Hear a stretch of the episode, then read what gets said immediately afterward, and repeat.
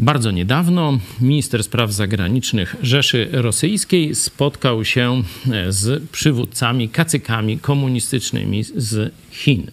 I co tam padło? Obie strony zadeklarowały wiekuistą tam przyjaźń rosyjsko-chińską, ale najważniejsza była ich deklaracja geopolityczna, że chcą zburzyć dotychczasowy po II wojnie światowej powstały porządek świata, gdzie Stany Zjednoczone, Chrześcijańska Republika, Chrześcijańskie Imperium, można powiedzieć, panują nad y, całym światem. No i oni chcą obalić tę, jak to oni mówią, dyktaturę czy dyktat Stanów Zjednoczonych i w to miejsce, żeby powstało kilka takich imperiów, jak Rosja, jak Chiny, jak Unia Europejska i żeby oni razem w mieście, w tym, tymi sojuzami zarządzali i zbudowali nowy porządek świata.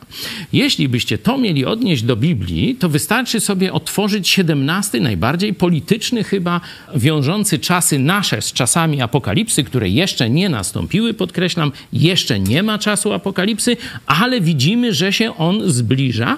17 rozdział apokalipsy. Tam właśnie mamy 10 takich sojuzów i antychryst staje na czele tego e, sojuza, ale do tego potrzebny mu jest, można powiedzieć, fałszywy prorok, fałszywy system religijny. I ten system nazywa się Wielką prostytutą. Na, na, K dokładnie tam w Biblii jest. Także widzicie, że język Biblii soczysty, nie tam dla jakichś e, miękusów czy miękiszonów, jak to u nas mówią niektórzy prorosyjscy politycy.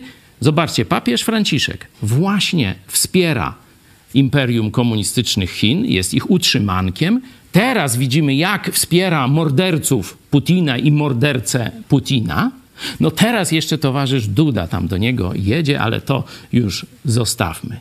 Kościół katolicki, a dokładnie jego najwyższe duchowieństwo, zobaczcie, jak zbliżają się do tego biblijnego obrazu, kiedy wielka prostytutka wspiera bezbożne imperia, które chcą zawładnąć światem.